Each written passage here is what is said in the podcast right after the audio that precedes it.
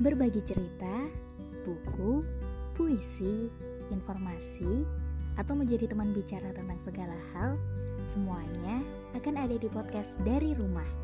Mari menjadi rumah yang ramah untuk siapa pun bersama podcast dari rumah.